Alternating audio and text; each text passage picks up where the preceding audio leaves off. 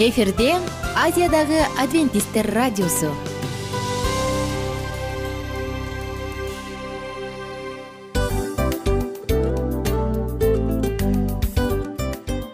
Достор салют.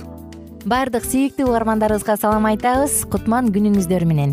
Ден соолук өмүрдүн булагы демекчи саламат саамы программасында баарыңыздарды көргөнүбүзгө абдан кубанычтабыз. Анда алгач амандашып өтөлү арбаңыздар деп. Ден соолугуңуздар кандай элибизде көбүнчө ден соолук кандай дегенде эле жакшы деп жооп беребиз э? ооруп турсак дагы жакшы дейбиз. Анан мен муну айтып ойлойт элем бул абдан сонун сөз депчи анткени бул жакшы деген үмүт да э ооба баары жакшы болот баары сонун. Деп үмүттөнүп атып эле өзүбүздү өзүбүз дарылап коебуз. Анысы кандай? Сиздин дагы ден соолугуңуз жакшы беш деген үмүттөбүз чындыгында ден соолук бул өмүрдүн булагы деп бекеринен айтылган эмес деп ойлойм. Кыргыз элинде анткени эгерде ден соолук жок болсо анда адамдын жашоосунда калган баардык керектүү маңыздуу нерселер өзүнүн баалуулугун жоготуп коет. Ошондуктан ден соолук бул эң керектүү нерсе. Ооба туура айтасың кесиптешим. Чынында ден соолугуң жок бир эки үч күн ооруп калсаң эле э кандай болуп калат? Жашоодо көз каранды болуп каласың көп нерсеге жетишпей каласың көп нерсени кыла албай каласың жада калса эшикке дүкөнгө да чыга албай каласың. Туптуура анан ден соолук болсо демек биз биздин бактыбыз тоодой деп койсок болот.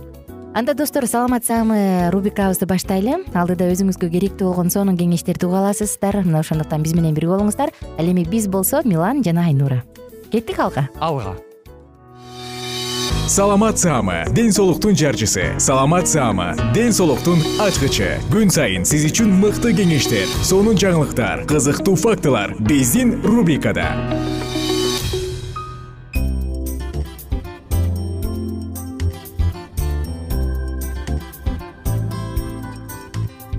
Саламатсыздарбы достор жалпыңыздар менен саламат саама рубрикасындамын. Жана бүгүнкү темабыз мурунку уктурубуздун уландысы бул жүрөк кан тамырларына пайдалуу азыктар. Жүрөк үчүн кайсы азыктар пайдалуу? Эсиңизде болсо мурунку уктурууда биз бир аз болсо да сөз кылганбыз жана уктуруубузду мынтип баштаганбыз. Жүрөктүн эң эле биринчи башкы душманы бул туура эмес тамактануу деп. Жүрөгүңүз бир гана сүйүүдөн жабыркасын жана жүрөктү башка эч нерсе жабыркатпасын. Жана тамактануу тууралуу сөз кылганда биз бир нече эрежелерди санап өткөнбүз. Биринчиси аз бирок сапаттуу майды колдонуңуз дегенбиз сиз биздин жеген тамагыбыздын эки миң калорийдин отуз гана пайызын май жеши керек же алтымыш жети гана граммын. Эгер сиз күнүнө эки миң калорий жесеңиз. Экинчи кезектеги эреже бул азыраак тузду колдонуңуз деп айтканбыз эсиңиздеби? Тузду өтө сүйүүчү болсоңуз күнүнө алты граммдан ашпасын.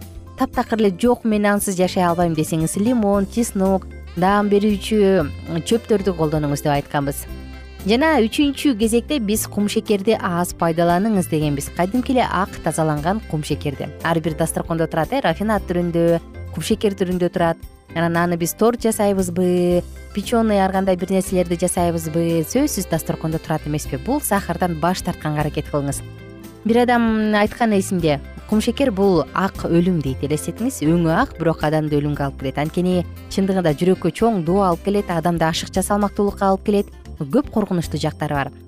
Жок мен таттууну сүйөм ансыз жашай албайм десеңиз кургатылган мөмөлөрдү жеңиз деп айтканбыз эсиңиздеби мөмө жемиштерди жүзүм кара өрүк абрикос финик инжир сыяктуу тамактарды жегенге аракет кылыңыз дегенбиз. Андан сырткары миласу деп коет дал ушундай бул кара тростниктен жасалган сироп э, же болбосо тростниктин э, клеондун сиропторун алардын кумшекер түрүндө жасалгандарын жеңиз деп айтканбыз эсиңизде болсо эми биз бүгүн кийинки төртүнчү эрежеге кезек берели кантип туура тамактаныш керек? Жүрөк ооруларын алдын алыш үчүн эмне кылыш керек? Аз эт жеңиз мүмкүн сиз шок болгондурсуз. Этпи кантип деп? Ооба достор этти колдон келишинче аз жеш керек. Өзгөчө кызыл этти бул уйдун чочконун койдун эттери булардын баардыгы тең жүрөккө зыяндуу. Эмне себептен анткени анда каныккан майлар бар жана холестерин бар. Каныккан май дагы холестерин дагы артериялардын баардыгын бүтөп коет. Элестетиңиз мына ошондуктан абайлаңыз. Эгерде сиз эт сүйүүчү болсоңуз жүрөгүңүздү бир ойлоп коюңуз. Аны канчалык көп жей берсек артериялар канчалык бүтөй берсе демек бизде инфарктка чалдыгуу коркунучу ошончолук жогорулайт. Эттин курамындагы белок булардын баардыгы тең кычкыл продукту азык түлүктөрдүн пайда болушу менен баардыгы жок болот.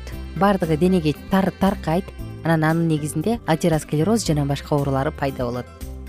Эмне кылыш керек достор? Эмне себептен этти жебегенге аракет кылыш керек?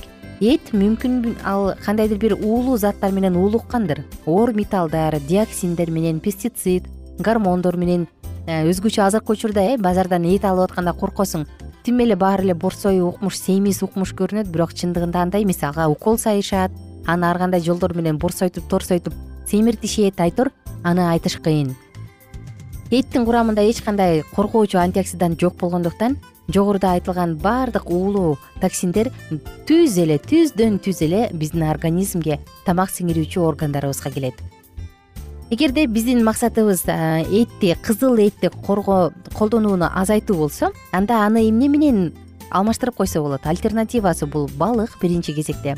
Экинчи кезекте өсүмдүк эти. Өсүмдүк эти десем таң калып атат болушуңуз керек. Ооба өсүмдүк эти. Бул соянын негизинен жасалган эттер боп өсүмдүктөрү дан өсүмдүктөрү жаңгактар мына ушулардын баардыгы тең белок жагынан этти алмаштыра алат жана ошентип биз үчүнчү бешинчи эрежебизге кезек берели. Бешинчи эреже антиоксиданттарды көбүрөөк пайдаланыңыз көбүрөөк жеңиз. Артериялардын стенкаларында канчалык холестерин каныккан майлар көп болбосун антиоксиданттар биздин артерияларыбызды сактайт. Демек жүрөк жакшы иштейт. Ошондуктан колуңуздан келишинче антиоксидантка бай азыктарды жеңиз. Кептин баары мында достор бизде организмде качан клеткалар жаңыдан пайда боло баштап алар кислородко энергияга өтө баштаган учурунда энергияга өтүп атканда майда майда кенеде молекулалар пайда болот. Бул эркин радикалдар деп аталат. Эгерде ошол эркин радикалдар керектүү гана өлчөмдө болсо жакшы. Ал биздин денебизде уулуу токсиндерден зыяндуу токсиндерден атасалайт. Бирок ошол эркин радикалдар өтө көбөйүп кете турган болсо анда клеткада регенерация пайда болот. Тагыраак айтканда клетка жана тканьдар өлө баштайт. Демек бул стресстин негизинде ар кандай коркунучтуу оорулар жаралат. Муну биз бир уктурууда айтып бергенбиз эркин радикалдар жөнүндө эсиңизде болсо мүмкүн бир тыңшап же эстеп койсоңуз болот. Ошондуктан достор биз жеген тамак е с бета каротин витаминдерине абдан бай болуш керек. Ошондой эле андан тышкары жашылча жалбырак жашыл жалбырактарды фасолдун өндүрүлүп бара жаткан өндүрүмдөрүн брокколи мына ушуларды жеген жакшы. Роттердам менен чикагонун окумуштуулары мындай дейт изилдөөчүлөрү. Алар чын эле этти көп пайдалануу. Бул адамдар эркин радикалдарын пайда кылып акырында рак оорусуна алып келери чындык деп айтышкан. Достор антиоксидант жөнүндө айтсак антиоксиданттын эң жакшы булагы бул витаминине бай болгон помидор мөмөлөр мөмө жемиштер цитрус киви коон жаңы капуста жашыл жалбырактар фасолдун өндүрүмү жаңы өнүп келе жаткан фасоль же болбосо брокколи мына булардын баардыгы мыкты антиоксиданттар. Ошондой эле е витаминин дагы көбүрөөк жеш керек анын булагы болуп дандар жаңгак сүт жумуртканын сарысы өндүрүлүп келе жаткан буудай өсүмдүк майлар жалбырактар жашыл мына булардын баардыгында тең е витамини бар. Достор эмне дейбиз? Колуңуздан келишинче ачык ар кандай түстөгү мөмө жемиштерди жашылчаларды жегенге аракет кылыңыз уруктарды жегенге аракет кылыңыз жаңгак жеңиз жана бүтүн дан азыктарын жеңиз. А мен болсо неме демейм эмне дейм? Баардык угармандарыбызга гана кааларым бир гана ден соолук ден соолук сиздин биринчи байлыгыңыз ден соолук менин биринчи байлыгым. Дал ушул биринчи байлыктын камын көрүп жүрө берели бизди эч качан бул байлык таштабасын. Кайрадан сиздер менен амандашканча сак саламатта туруңуздар. Саламат саама ден соолуктун жарчысы. Саламат саама ден соолуктун ачкычы. Күн сайын сиз үчүн мыкты кеңештер сонун жаңылыктар кызыктуу фактылар биздин рубрикада. Салют замандаштар баарыңыздарга ысык салам дил маек программабызга кош келиңиздер. Дил маек рубрикасы дегенде эле бул эмне болгон дил маек? Ким менен маектешебиз деп сурайт болуш керек угармандарыбыз бул рубриканы кыскача тааныштыра кете турган болсок ар тарап кесип ээлеринен болгон сонун интервью кеңештер бар. Ооба. Жылдыздар менен болгон маек бар. Аталарыбыздын агаларыбыздын чоң аталарыбыздан сонун кеңештер бар. Ошондой эле эже сиңдилердин кеңештери бар айтор. Баардык кызыктардын баары алдыда.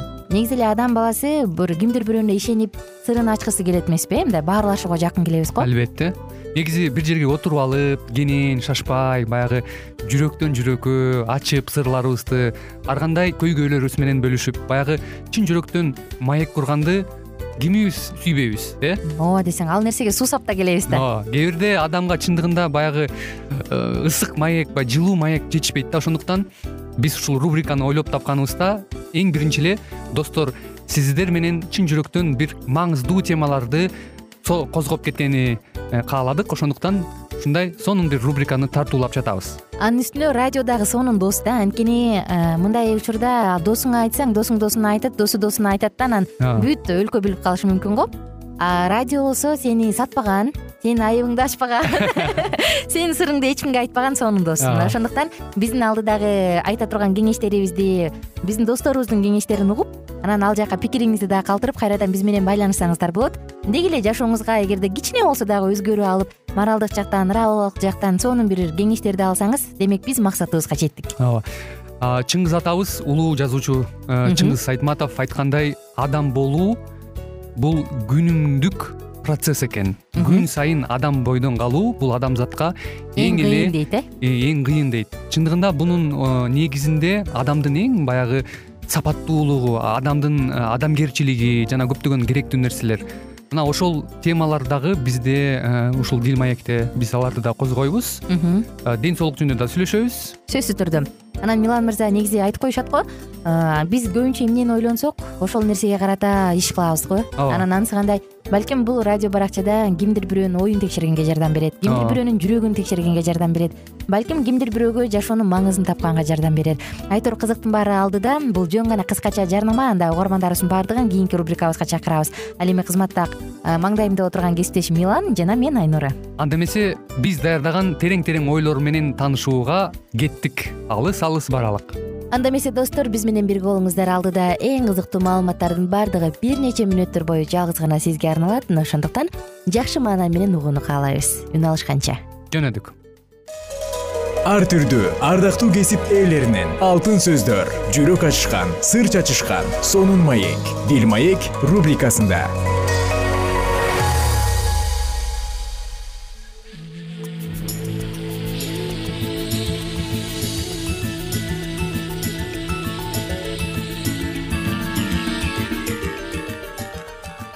кутмандуу күнүңүз менен кымбаттуу радио угармандарыбыз кайрадан эле сиздер менен биргеликте бактылуу никенин баалуу эрежелери аттуу уктуруубузда үн алышып жатканыбызга кубанычтабыз. Микрофондо кайрадан эле кызматыңыздарды аты жөнүм мен улан кубанычбеков. Жана ошондой эле бүгүнкү программабыздын темасын дагы бир ирет эсиңиздерге салгым келет. Э, өткөн берүүбүздө дагы биз үй бүлөдө бала тарбиялоодо деги эле эрке балдарды э, аш өпкө эркелетпеш үчүн кандай туура нукта тарбиялай алабыз? Ушул туурасында маек кылганбыз. Э, ушул маекти кайрадан бүгүнкү берүүбүздө дагы улантмакчыбыз. Себеп дегенде өткөн берүүбүздө убакыттын тардыгына байланыштуу биз маегибиздин аягына чыкпай калганбыз. Бүгүнкү студиябыздын коногу менен дагы бир сиздерди тааныштырып өткүм келет. Алты баланын тажрыйбалуу атасы абылгазиев улан мырза биздин студиябызда конокто. Улан мырза саламатсызбы? Э, кайрадан эле сиз менен э, дал ушул куттуу студияда кезигип жатканыма өтө кубанычтамын. Рахмат кош келипсиз анда эмесе маегибизди кайрадан эле баштасак э, өткөнкү уктурууда биз э, угармандарыбыз менен сүйлөшүп өткөнбүз. Ушул үй бүлөдө бала тарбиялоо жаатында эрке болуп кээ бир балдар баягы чоңоюп калат эмеспи? Ошондой балдарды баягы өтө эркеликке э, тарбиялап койбош үчүн же болбосо ар бир эле мисалы ата эне сөзсүз түрдө баласынын жакшы болушун каалайт эмеспи. Андыктан ушул ким эле мисалы баласы жаман болуп калышын кааласын да. Андыктан ушул кээде биз айрым үй бүлөлөргө күбө болуп калабыз баласына өтө эле үйүр түшүп баягы э, чалчаңдатып дагы тарбиялап койгон үй бүлөлөр коомчулукта кездешет. Э, ошондуктан баягы туура тарбия бериш үчүн бүгүнкү күндө биз дагы кандай ыкмаларды колдонсок болот? Ушул туурасында э, биздин угармандарыбыз менен өзүңүздүн баягы алты баланын бүгүнкү күндөгү атасы катары өзүңүздүн ушул жашооңуздан алган жеке тажрыйбаларыңыз менен бөлүшүп берсеңиз. Чоң рахмат. Ооба ошо өткөндө айтып кеткендей эле ошо алты баланы тарбиялап аткан учурда мүнөздөрү чын эле бири бирине кенекей келишпей окшошпой башкача болуп өзгөчөлөнүп турушат балдар. Бирок ошо биз баланы тарбиялап аткан учурда башында айтып кеткендей эле чыбык менен тарбиялайбыз. Келинчегим мен экөөбүз тең сүйлөшүп алып кеңешип алып кандай тарбиялашыбыз керек канткенде жакшы болот деп ар дайым бөлүшүп балабыздын жакшы болушуна эрке болбой чоңоюшуна акылдуу болуп чоңоюшуна биз келинчегим экөөбүз обязательно сүйлөшүп алып кеңешип алып анан тарбиялайбыз да. Чогубузда абдан жакшы. Ал эми сөзүңүзгө аралжы улан мырза сиз жогоруда айтып өттүңүз ушул э, балдарды эрке болуп калбаш үчүн баягы сөзсүз түрдө биз чыбык менен жазалоо жолу менен тарбиялайбыз депчи. Айрым угармандарда мүмкүн мындай түшүнүк болуп калышы мүмкүн. Бала сөзсүз эле эрке болбош үчүн чыбык менен жазалай берүүнүн өзү негизи туурабы деген да бир ойдо калып калбаш үчүн чыбык менен жазалоо жолдору туурасында дагы э, айтып берсеңиз да негизи биз кантип туура баягы чыбык менен жазалашыбыз керек? Мисалы ошол курагына жараша десек да болот окшойт да. Мисалы э, кайсыл курактан баштап э, балдарды э, мисалы канча жашынан баштап балдарды ошо чыбык менен жазалап башташ керек же болбосо ошого мындай туура аракет кылышыбыз керек да ушул жөнүндө айтып берсеңиз.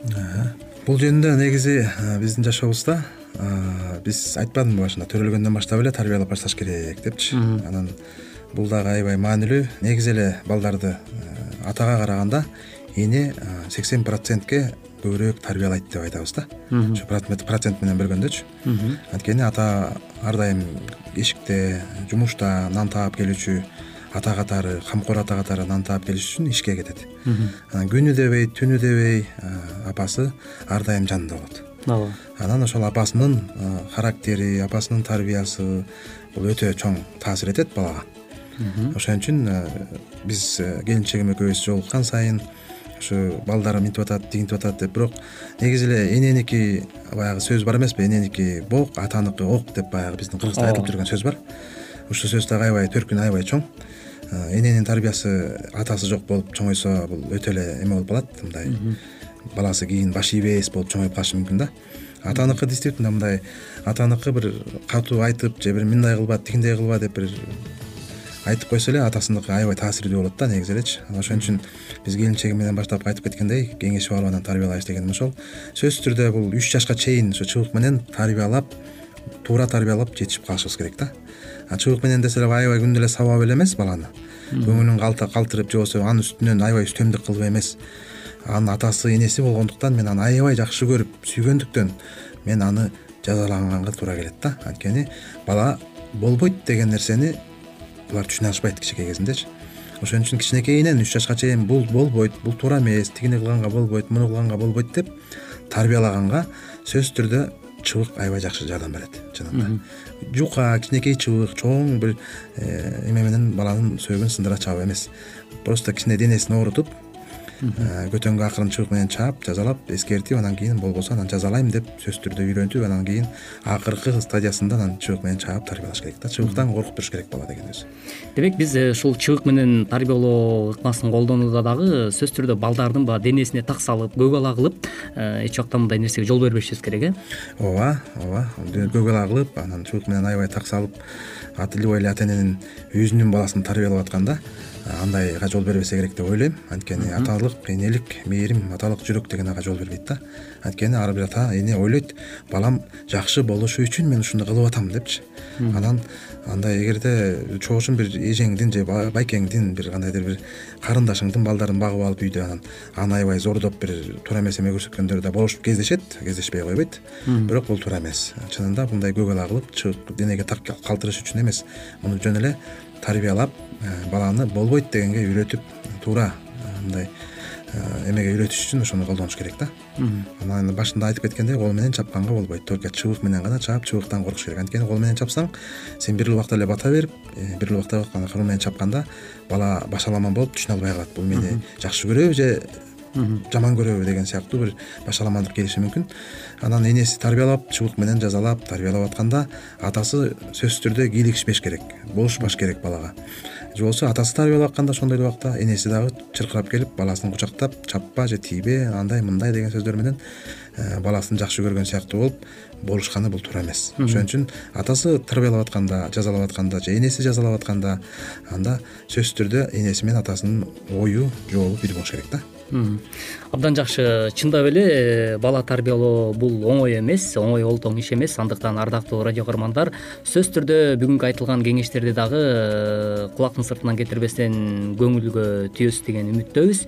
Ушуну менен бизге бөлүнгөн убакыт өз соңуна келип жетти. Кайрадан эле биз сиздер менен эмки берүүбүздөн кезишкенче амандыкта калыңыздар ар түрдүү ардактуу кесип ээлеринен алтын сөздөр жүрөк ачышкан сыр чачышкан сонун маек дил маек рубрикасында. Жан дүйнөңдү байыткан жүрөгүңдү азыктанткан жашооңо маңыз тартуулаган жан азык рубрикасы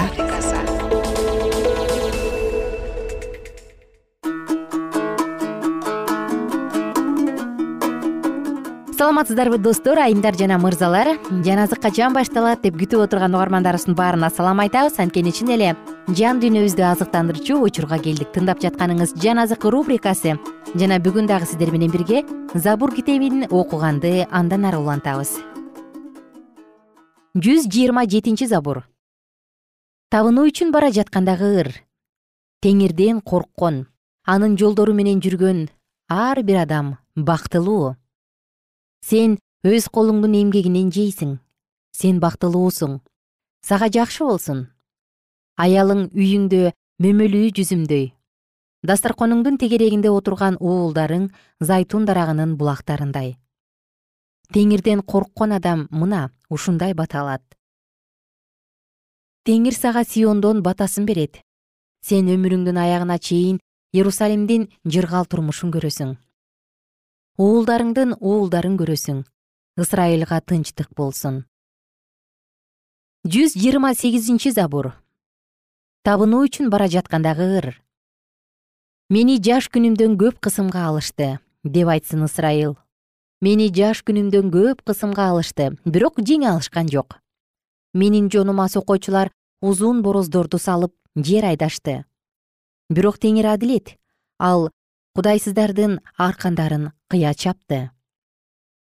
Сионду жек көргөндөрдүн баары уятка калып артына качсын. Алар жулуна электе эле куурап калган там башындагы чөптөй болушсун.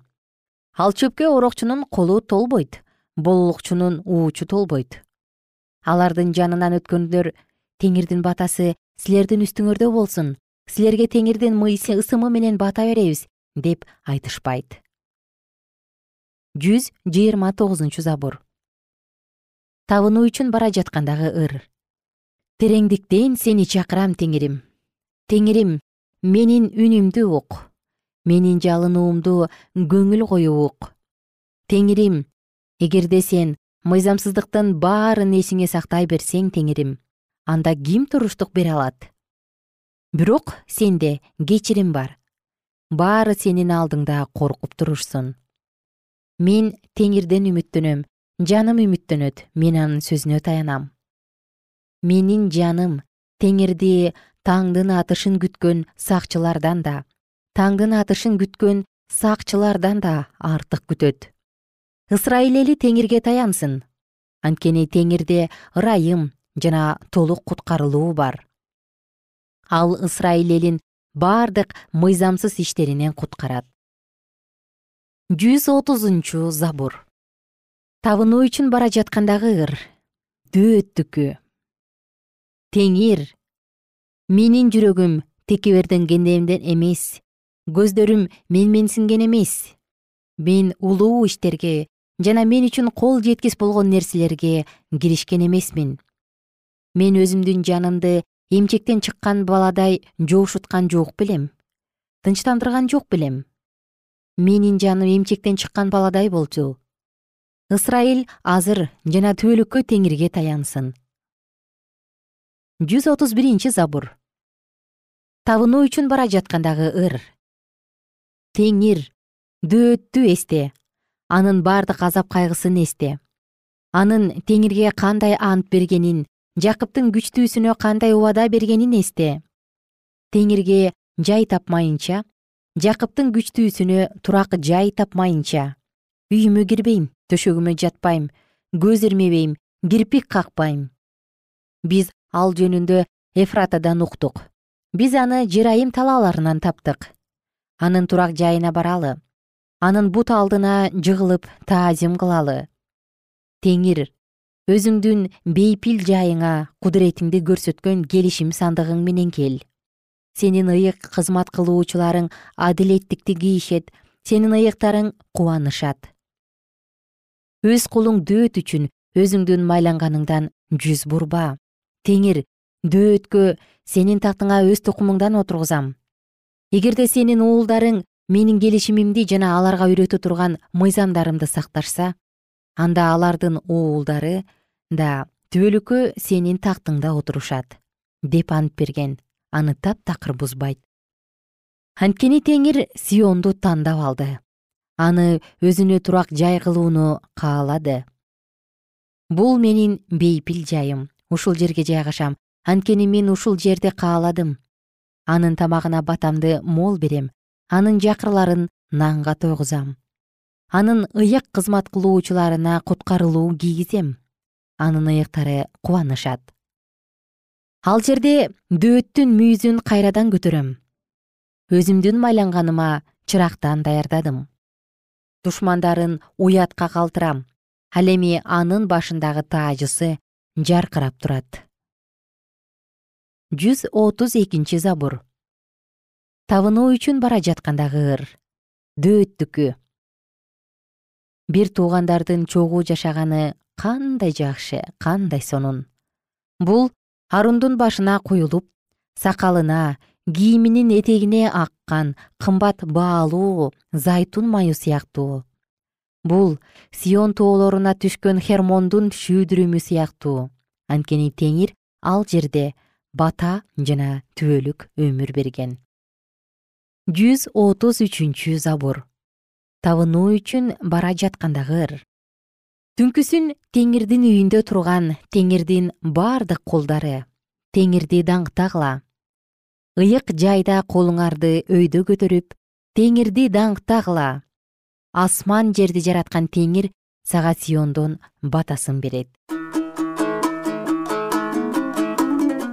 Кымбаттуу досум бүгүн дагы сиздер менен бирге забур китебинен эң сонун үзүндүлөрдү окуп өттүк. Сонун баптар сонун сөздөр сонун забурлар жүрөгүңүз дагы кыйналып турганда кысталып турганда турмуштун кайсы бир сыноосуна кептелген учурда бул сөздөр сиздин жүрөгүңүзгө терең дем жана терең үмүт берсе экен деген тилегибиз бар. Кайрадан жалпыңыздар менен кийинки уктуруудан амандашканча күнүңүздөр көңүлдүү улансын сак саламатта туруңуздар. Достор кааларыбыз теңирдин ырайымы дайыма сиздер менен бирге болсун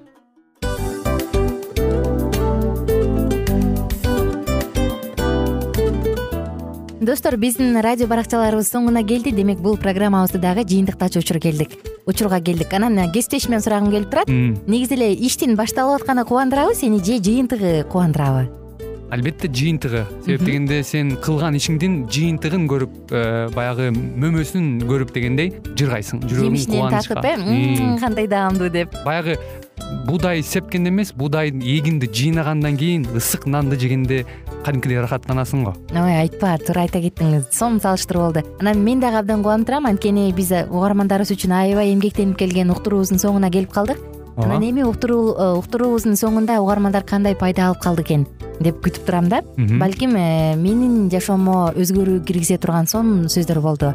Мен ушул нерсени изилдеп анан кабыл албасам ушул нерсени кылбасам деген чечим чыгарсаңыз анда биз абдан кубанычтабыз. Сөзсүз түрдө андыктан кийинки биздин кызыктуу уктурууларыбыздан көрүшкөнчө сак саламатта калыңыздар. Чыдамсыздык менен сиздерди мен милан жана кесиптешим айнура күтөбүз.